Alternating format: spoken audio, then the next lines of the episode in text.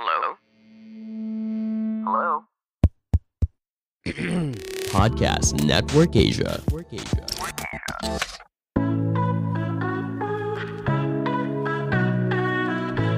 Selamat datang di AS Talk. Anissa Steviani Talk, podcast mingguan. Temanmu berbagi cerita seputar parenting, keuangan, dan perempuan yang relatable dan semoga bisa mencerahkan. Karena setiap cerita pasti punya makna.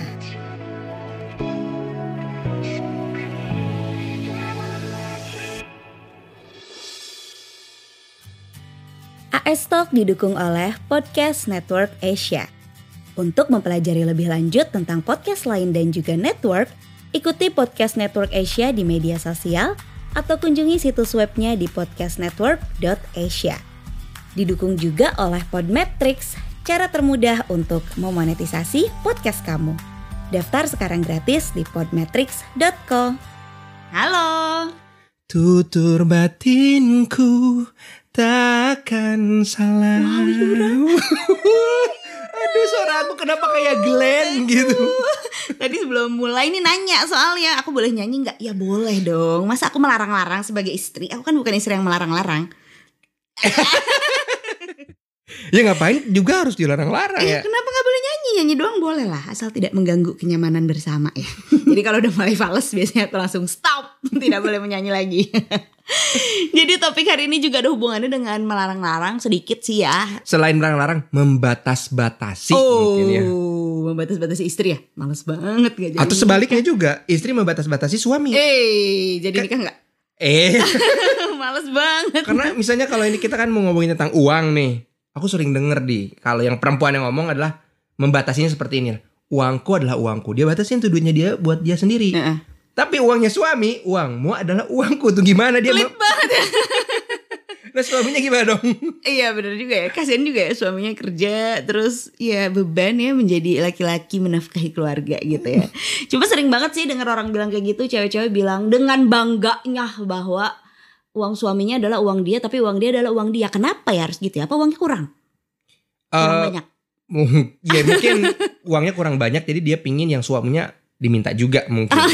Tapi kalau digabungin itu jadi banyak, dong. Iya banyak banget Sebenarnya. dong Sebenarnya dimulai dari mana ya Karena kami berdua tidak pernah membagi-bagi ini uang siapa gitu ya Kalau kita runut dari zaman pacaran juga lupa sih sebenarnya Lupa banget sih gimana ya Ya karena ceritanya. pacaran sama nikah lebih nama nikah gitu ya. Iya sih cuman lupa ya gimana dulu pembicaraannya kenapa bisa jadi uang uangnya bareng-bareng aja gitu mungkin karena kita terlalu bucin ya Iya terlalu sayang each other. Oh. Jadi kalau dulu pas pacaran, eh, seingat aku sih kita split bill aja ya. Kamu bayarin makan, aku bayarin nonton. Iya walaupun nanti angkanya nggak bulat misalnya bayarin nonton sepuluh ribu Lebih kalau gede makan gitu ya. lebih makan lebih murah misalnya seperti itu ya nggak gitu juga tapi kayak kita punya kesadaran sendiri sih untuk ya split bill aja sih gitu biar nggak ada yang bebannya berat di salah satu orang gitu. Mm-mm, jadi ya bagi-baginya masih kayak gitu. Meskipun pada akhirnya pas kamu uangnya udah aku atur, kayaknya tetap kayak gitu juga sih. Ini pakai uang siapa nih gitu doang. Maksudnya kita nggak menganggap itu sebagai kan suka ada nih cewek-cewek yang ah ini kalau makan ya harus cowoknya lah yang bayar gitu enggak enggak gitu ya dari awal memang aku tidak seperti itu aku bukan perempuan yang mau dibayar-bayarin terus dan aku nggak apa-apa juga nggak bayarin tuh aku juga kerja gitu. Tapi kalau udah nikah Ini kita ya. ah ini kita. Ini kan kita bercerita kita lah. Masa kita bercerita orang lain? Kita ki- nggak tahu juga cerita orang lain. Kalau kita uangnya itu eh, dimasukin ke dalam kolam ya, dimasukin Oh. ke pool. oh, Jadi oke. uang uang aku sebagai suami, kamu sebagai istri, kita kumpulin ke dalam satu kolam atau di pool lah uangnya. Kebetulan emang sama-sama kerja dulu pertamanya dan mikirnya selamanya kita akan sama-sama kerja sih dulu ya. Sama-sama kerja kantoran lagi kan spesifik. Kita nggak pernah kepikiran akan jadi full time pengusaha gitu belum kepikiran dulu gitu. Jadi ya uangnya di pool aja di aku. Kenapa? Karena aku lebih bisa ngatur uang. Ya bener. Tapi sebenarnya rekeningnya nggak semuanya atas nama aku juga. Rekening kamu aja gitu. Cuma aku ada aksesnya ke internet bankingnya, pegang tokennya segala macam. Jadi konsepnya uangnya dikumpulin dulu di satu tempat. Habis itu baru dibagi-bagi tuh mana buat investasi, mana buat kapan lagi ya buat sehari-hari, mana buat belanja gitu-gitu. Eh, jadi in general sebenarnya uangnya itu digabungin walaupun nanti secara ya, secara teknikal nanti menggunakan rekening aku, rekening kamu karena memang ada kayak misalnya KPR aku ya susah kalau Kamu. diubah gitu ya karena udah dari awal aku eh, menggunakan eh, aku sendiri lah nama sendiri kayak gitu. Iya, jadi total kayaknya sampai saat ini kami berdua pakai 8 apa 9 lah gitu ya rekening Wow. bank. Tapi atas nama kita berdua ya, nggak semuanya atas nama aku, nggak semuanya atas nama kamu juga gitu dan ya nggak apa-apa juga sih. Aku merasa itu works ya, udah gitu. Nah kan itu emang sesuai kebutuhannya ya. Mm-mm, jadi bukan banyak-banyakan karena emang pingin misah-misahin aja ada rekening buat KPR ya bahkan ATM-nya mati gitu kan rekening buat kartu kredit ATM-nya mati juga gitu ATM ATM-nya pada mati tapi yang penting internet bankingnya nyala. Itu aja sih. Terus untuk memudahkan juga kayak bayar-bayar virtual account tuh kayak eh, sekolahnya Silo virtual account-nya BNI oh kita ada BNI gitu-gitu doang sih. Jadi emang nggak misahin uang. Itu kalau konsepnya gaji dulu ya. Gaji bulanan kita gabungin. Jadi aku tuh bikin budgetingnya dari total gaji kita berdua. Syaratnya ya harus tahu dong gaji kamu berapa gitu. Ya walaupun nggak ada apa namanya hmm, slip gaji gitu. Tapi kan tahu ya yang masuk ke dalam rekening berapa Ah, gitu. karena punya akses ke rekening ya Nah, karena kalau zaman dulu untuk menyembunyiin duit ke pasangan itu ya slip gajinya disembunyiin lah gitu kan. Slip. Gampang ya? Gampang slip gajinya disembunyiin karena slip gajinya dalam bentuk apa ya? kertas Kertas gitu ya, hard copy. Terus istrinya juga tidak bisa mengakses internet banking ya. internet banking nggak tahu nomor rekeningnya bahkan ya yang dia kasih adalah ya udah gitu. Tapi kalau kita sih ya di benar-benar saling terbuka. Duitnya dikumpulin in total berapa nah itu nanti dijembrengin ke bawahnya ini untuk ini untuk ini. Eh ternyata kurang. Ah, ternyata harus kerja lagi. nah, terus ada juga uang-uang yang eh, spesial ya. Uang-uang yang spesial itu yang tidak tentu jumlahnya. Kayak kerjaan sampingan aku, bonus tahunan kamu, hal-hal yang nggak pasti dapetnya gitu. Kalau kayak gaji THR itu udah jelas kita pull terus kita bagi-bagi budget ya gitu ya bulanan tahunan dari THR doang.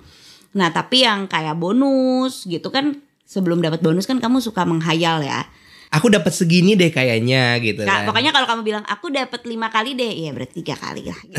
Hayalannya suka ketinggian. Kayaknya aku dapat 10 kali deh, tujuh kali lah udah berarti.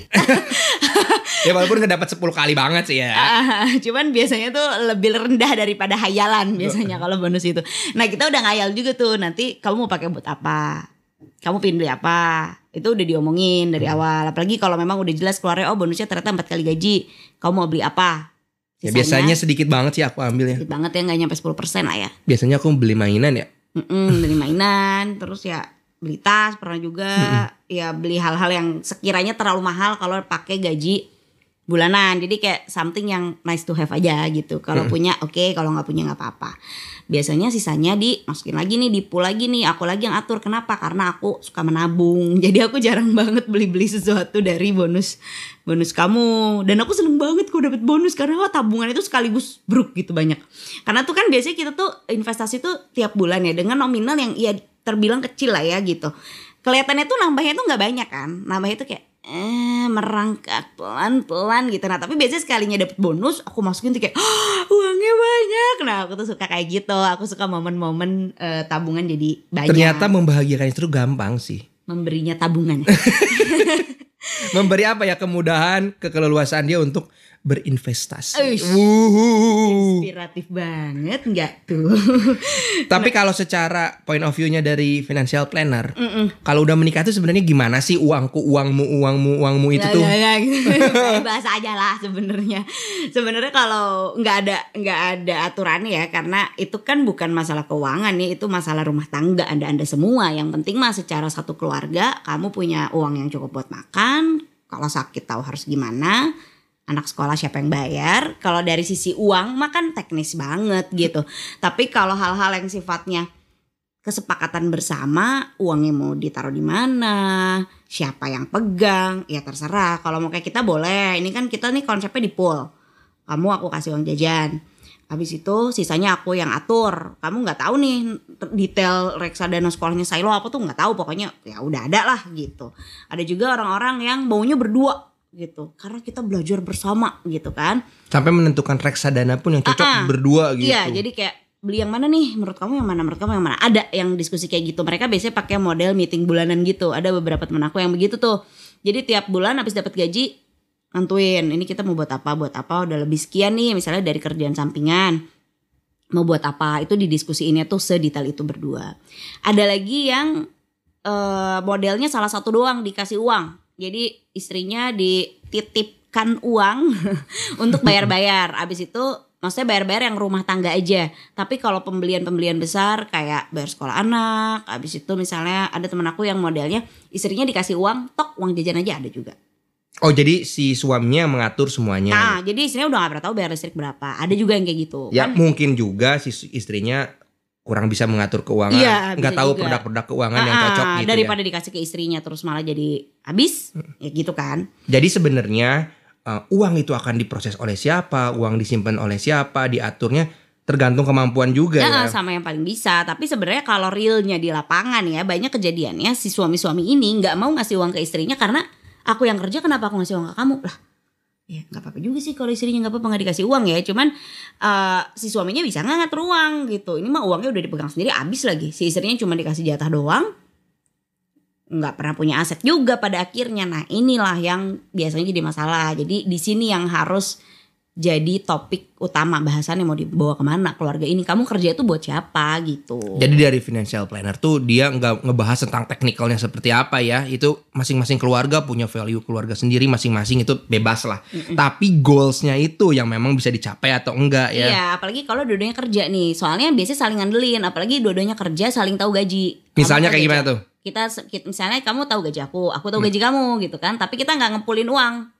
Nah, habis itu kita nggak ngomongin uang juga. Ya udah kita masing-masing aja gitu. Kalau makan di luar masih split bill, misalnya siapa yang bayar kan ada tuh yang kayak gitu. Hmm. Jadi kadang-kadang aku yang bayar, kadang kamu yang bayar. Apa nggak liburan? Eh, aku dapat bonus nih kita liburan liburan. Tapi nggak pernah ngomongin tujuan keuangan keluarga. Jadinya tuh saling ngandelin. Si suami ngerasa lah, ini kan aku yang beli sembako belanja bulanan tiap bulan aku yang bayar. Kali aja istri aku udah nabung uang sekolah anak Lah gitu. kok bisa?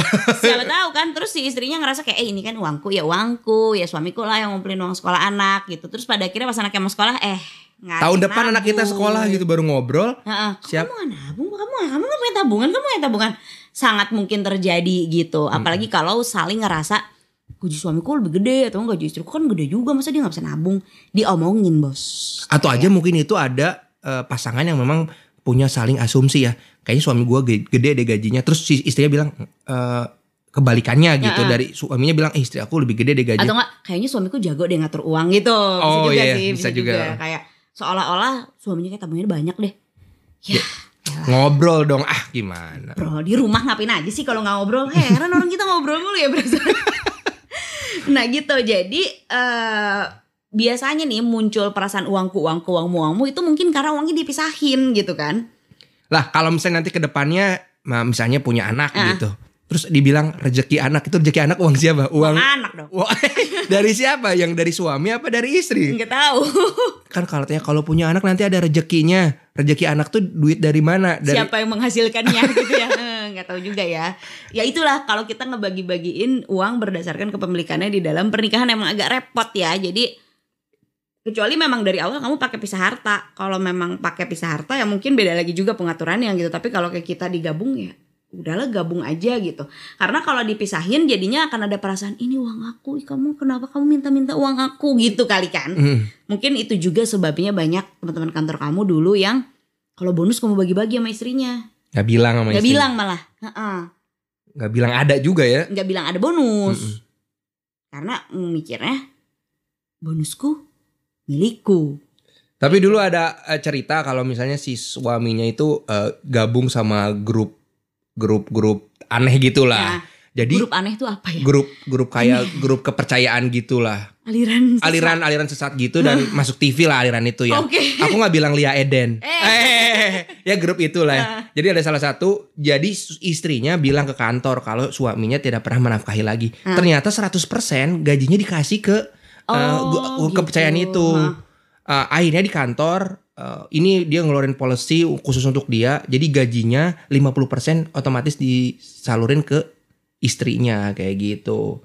Nah, kalau itu kan memang dan apa ya? orangnya ada orangnya, Orangnya masih, masih kerja maksudnya. Ah, akhirnya keluar sih udah lama akhirnya keluar karena mungkin jadi nggak nyaman gajinya dipotong 50% untuk ketuanya.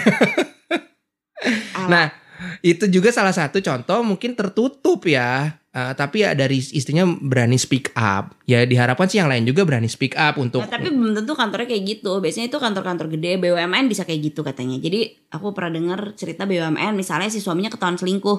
Terus kalau suaminya masih mau kerja di situ, gajinya ditransfer ke istri semua. Itu bisa kayak gitu juga. Jadi eh, tapi kan itu tuh mencampurkan ranah pribadi dan profesional ya. Aku nggak yakin sih banyak kantor yang bersedia gitu untuk ikut-ikutan ke arah sana. Jadi biasanya orang yang misah-misahin itu ya mungkin itu ada keperluan lain dalam tanda kutip Mm-mm. atau bisa juga eh membiayai orang tua kali ya.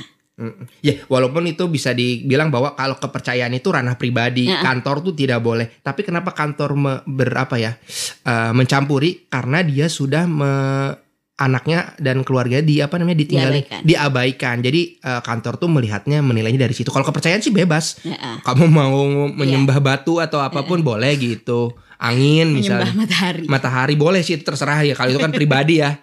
Tapi kalau udah mengabaikan anggota keluarga itu kan ada dalam aturan eh, kantornya. Iya iya iya. Ya tapi maksud aku nggak nggak semua kantor mungkin mau kayak gitu gitu. Nah jadi eh, tadi balik lagi kenapa sih jadi muter-muter ngomongnya kan udah lewat pembahasan itu. Mungkin harus juga membiayai keluarga gitu. Jadi ada juga orang-orang yang memisahkan uangnya uangku uangku uangmu uangku itu karena eh, baper gitu. Oh gaji suamiku gede dia bisa ngasih ke orang tuanya gede banget. Sementara gaji aku cuma segini aku cuma bisa ngasih ke orang tuaku segini. Mending kita nggak saling tahu aja deh. Oh jadi nggak bilang juga amountnya berapa gitu. Ah, ah. Kalau ditanya ideal atau enggak ya jawabannya enggak ideal dong tentunya ya. Cuma eh ya kalau ternyata itu works buat kamu dan semua tujuan keuangan keluarga tercapai sih ya nggak apa-apa juga. Jadi gitu. balik lagi tujuannya tercapai atau enggak dalam Mm-mm, keluarga. mm-mm. Jadi eh, whatever works for you lah balik-balik lagi gitu. Karena eh, gini, ketika kita bicara uang aku, uang aku, uang kamu, uang kamu, mungkin memang ada perasaan pingin dikasih uang sama suaminya. Aku kerja tapi aku senang juga kalau dikasih uang sama suami gitu. Jadi ingat tuh eh, ibu aku ya. Kan dia udah ditransfer tuh duit gitu Mm. kan. Dia tuh kayak masih manyun gitu. Terus sama aku dikasih uang cash, Cash. gitu. Cuma 100 ribu. Bahagia. Bahagianya. Mungkin itu juga yang dirasakan oleh eh, para istri ya. Walaupun dikasih sama suaminya sedikit gitu. Tapi kayak mungkin bahagia gitu. Pingin dijajanin suami. Oh kalau kayak aku itu ya. Tiba-tiba suaminya jajanin cilok gitu. Waduh happy-nya tuh happy banget. Padahal ditransfer udah banyak gitu. Tapi Ah, pasti beliin cilok. Aduh ini suami aku membiayai aku gitu. Iya kayak kayak kamu dulu suka bingung kan kenapa sih kamu seneng banget kalau dikasih bonus? Padahal tuh bonus kayak nggak sebanyak itu juga atau enggak kalau dibandingin sama si misalnya ya banyak lah ya kalau dihitungnya satu tahun. Tapi kalau dilihat nominalnya kadang-kadang itu kan masih gedean sampingan kamu kemarin misalnya. Tapi ini uang. Tapi aku tetap suka bukan karena dikasih tapi karena nominalnya itu lumayan gitu sih. Kalau aku mungkin ada orang-orang yang maunya dikasih maunya em, apa ya pengen ada perasaan aku tuh dinafkahi sama suamiku gitu. Nah kalau aku sebenarnya enggak. Jadi sebenarnya ini kan bebas ya. Eh, tadi dari tadi bolak balik aku bilang whatever works for you. Tapi jangan sampai bingung sendiri gitu loh. Kamu sepakatnya kayak apa sama suami kamu tuh dikasih boundariesnya gitu. Kalau kita sepakatnya begitu. Ada orang mungkin yang sepakatnya beda lagi. Tapi tuh harus clear. Karena kemarin aku dapet TM nih. Eh, jadi karena aku lagi bahas haji kemarin ada yang bilang suamiku tuh lebih kecil gajinya dari aku. Penghasilannya tuh lebih kecil gitu. Dia dia sendiri punya tabungannya untuk bayar haji berdua. Apa aku bayarin suami aku aja ya? Terus aku tergelitik karena ah kenapa jadi konsepnya bayar membayari? Gitu. Tuh kan kayaknya kita bayar bayarin tuh sampai pacaran doang aja gitu ya. Kenapa dia masih mikir split bill haji ya? betul Waktu nikah ya. betul. Itu kan kita kan split bill waktu pas masih pacaran aja gitu. Pas udah nikah semua uangnya uang bareng-bareng aja gitu pas kamu masih kerja kamu juga tidak pernah menganggap ini bonusku aku menghasilkan banyak uang untuk keluarga ini. Nggak gitu juga gitu. Dan begitupun sekarang gitu ya kamu belum kerja lagi aku juga nggak pernah mikir aku loh yang bayarin kita beli mobil. Nggak pernah kepikiran sedikit pun karena ya dari awal uangnya satu aja digabung gitu loh. Dan Ya walaupun uangnya nggak digabung tapi mindsetnya tuh adalah mindsetnya kita benar. bekerja untuk keluarga, Keluarga ini, ini, begitu. Dan untuk bersenang-senang itu bersama gitu loh bahagia bersama. Oh, sedihnya bersama enggak? Jangan sedih-sedih dong. Kenapa harus sedih? Cuma ya itu gitu. Ketika kita bicara tujuan keuangan keluarga kan harapannya tuh bersama-sama gitu ya. Aku loh yang beli mobil lah. Ngapain juga ya aku beli mobil? Aku mah nggak perlu mobil. Yang perlu mobil juga kamu gitu. Dan aku juga nggak jadi merasa ini mobil aku. Enggak juga sih gitu. Itu mobil aja itu atas nama siapa tuh? Bukan atas nama siapa. Saking kita nggak pedulinya mungkin ya sama kepemilikan-kepemilikan ini. Sampai mobilnya bukan atas nama aku dan kamu. Bukan, atas Tapi nama adik kamu. Karena yang simpel KTP-nya aja udah buka KTP-nya Bandung dan ada di rumah terus karena ya itu kita nggak ngebagi-bagi ini punya siapa gitu dan itu berlaku juga untuk harta-harta lainnya gitu ya kayak rumah nih KPR di Bandung atas nama kamu kamu merasa memiliki kah ya memiliki ya sih ya, nah, namanya. iya sih ya rumah aku tapi ya udah ngawang aja gitu kan kayaknya udah milik bersama aja gitu Karena di atas uh, penamaan itu ada gitu lebih atas lagi yang tadi mindset ya. Heeh. Bahwa ya ini milik bersama sebenarnya si Bebe gak sih Iya sih. kalau dipikir-pikir nih baru menyadari setelah kita omongin ini sih. Kayaknya gara-gara em, pada akhirnya karena anaknya cuma satu, pada akhirnya semuanya tuh biar dia nyaman aja. Iya sih kita uh, mikirin banyak halnya memang buat anak juga ya. Heeh. Langsung termenung ya. Benar Langsung juga ya. Jangan-jangan selama ini nggak ngebagi-bagi uang karena ya udah yang penting buat dia aman gitu. Kita ngumpulin uang pensiun biar dia nggak repot. Kita ngumpulin uang sekolah anak biar dia sekolahnya enak. Kita ngumpulin, kita beli mobil biar dia antar jemput les juga nyaman. Ya ujung-ujungnya emang ya buat anak sih. Kesepakatannya ternyata parenting juga ya. Kita Mm-mm. sepakat uh, pingin ngasih sep- yang seperti apa buat dia gitu. Itu sih itu yang anak tapi berikutnya adalah aku tuh nggak dibesarkan untuk bergantung pada siapa-siapa itu juga mungkin jadi aku kan nggak pernah tuh dibilangin harus belajar masak biar nanti suaminya betah di rumah Ih, nggak pernah kayaknya sekalipun kalimat itu keluar dari mulut ibu aku kayak "Ih." Iya sih. Nah. Mm. Aku juga ngeliat ke rumah aku itu, bapak aku tuh nggak pernah uh, minta ibu aku untuk nyuci baju dia gitu. Dia yang nyuciin baju semua orang di Mm. rumah ya. Nah, tapi bapak aku nggak si papa itu nggak masak, gak enak soalnya, jadi nggak bisa dia. Mungkin kalau dia bisa masak dia akan, akan masak, masak. juga Tapi memang nggak enak, nggak enak banget lah masakannya. kamu masak nggak enak aku makan Iya, nggak ada lagi ya. Enak lah lumayan tuh sayang ah. enak lumayan kan bisa dibumbuin lagi Nah, jadi eh, kalau bilang nanti kita waktu kecilnya nggak punya apa ya trauma tentang harus apa bukan trauma ya mindset bahwa harus gantung gitu. Nah, ah, harus bahwa bergantung lah, pada perempuan suami. tergantung pada suami suaminya tergantung sama istri untuk hal-hal tertentu. Nah ini karena di rumah aku juga seperti ini ya aku juga semakin rada rada rada aneh gitu pas di luar.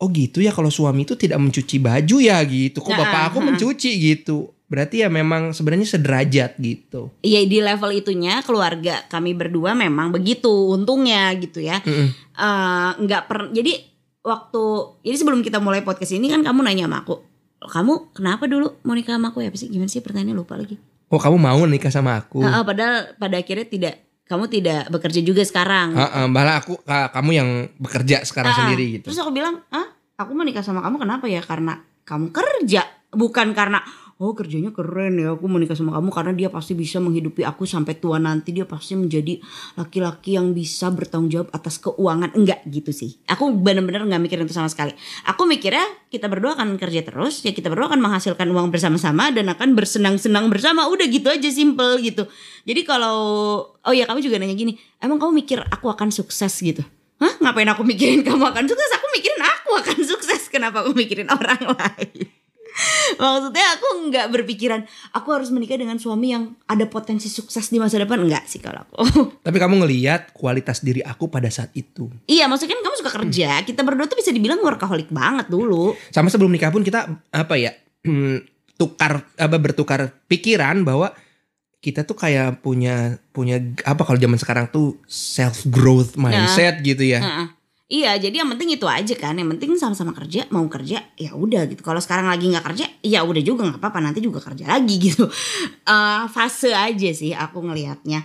Jadi nggak pernah memandang perempuan itu harus dinafkahi sama suami itu kalau aku tadi aku bilang ibu eh, ibu aku nggak pernah bilang suami biar suaminya betah di rumah itu karena aku tidak dibesarkan begitu ya kalau teman-teman dibesarkan demikian dan merasa nyaman-nyaman aja sama suaminya ya nggak apa-apa tapi kalau aku nggak jadi menurut aku itu cringe gitu ya apa termasuk yang ini em, udah susah-susah dibekelin makan sama istrinya habis itu makan di luar. Itu juga kita jet lag banget ya pas denger itu ya.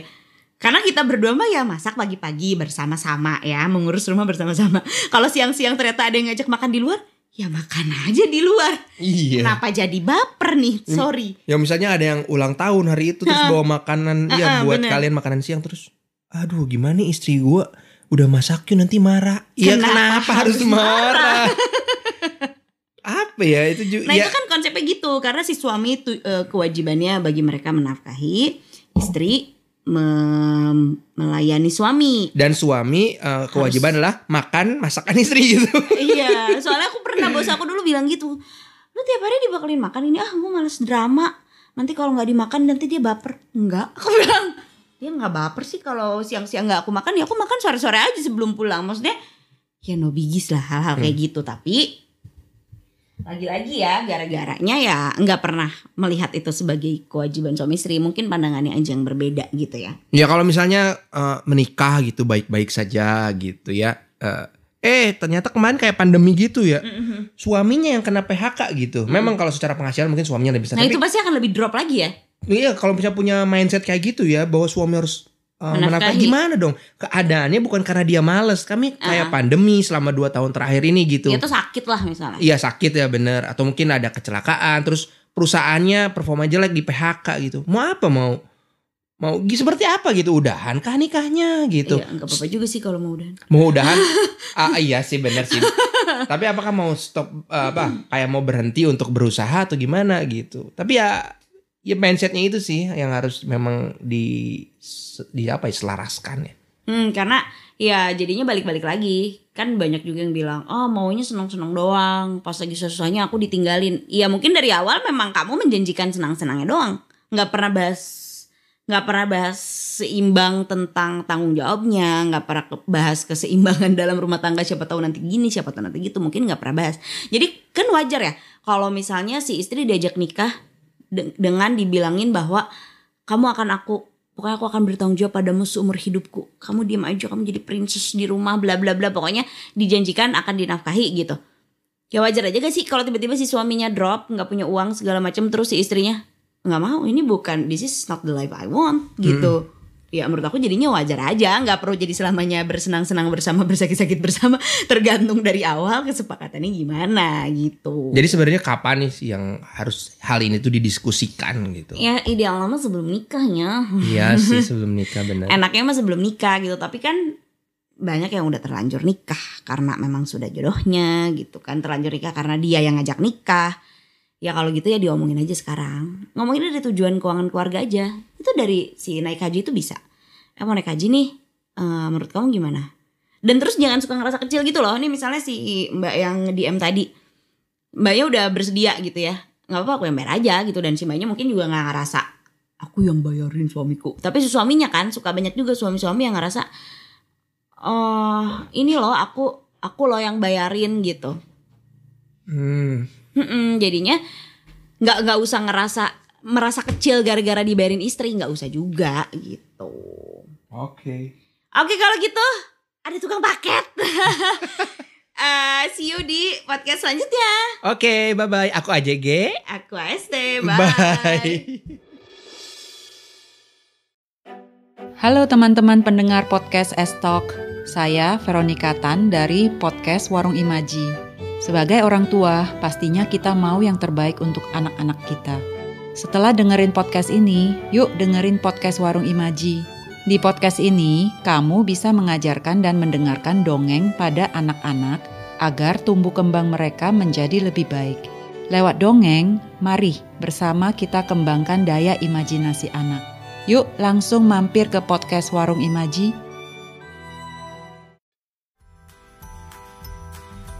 Pandangan dan opini yang disampaikan oleh kreator podcast, host, dan tamu tidak mencerminkan kebijakan resmi dan bagian dari podcast Network Asia. Setiap konten yang disampaikan mereka di dalam podcast adalah opini mereka sendiri dan tidak bermaksud untuk merugikan agama, grup etnik, perkumpulan, organisasi, perusahaan, perorangan, atau siapa pun dan apa pun.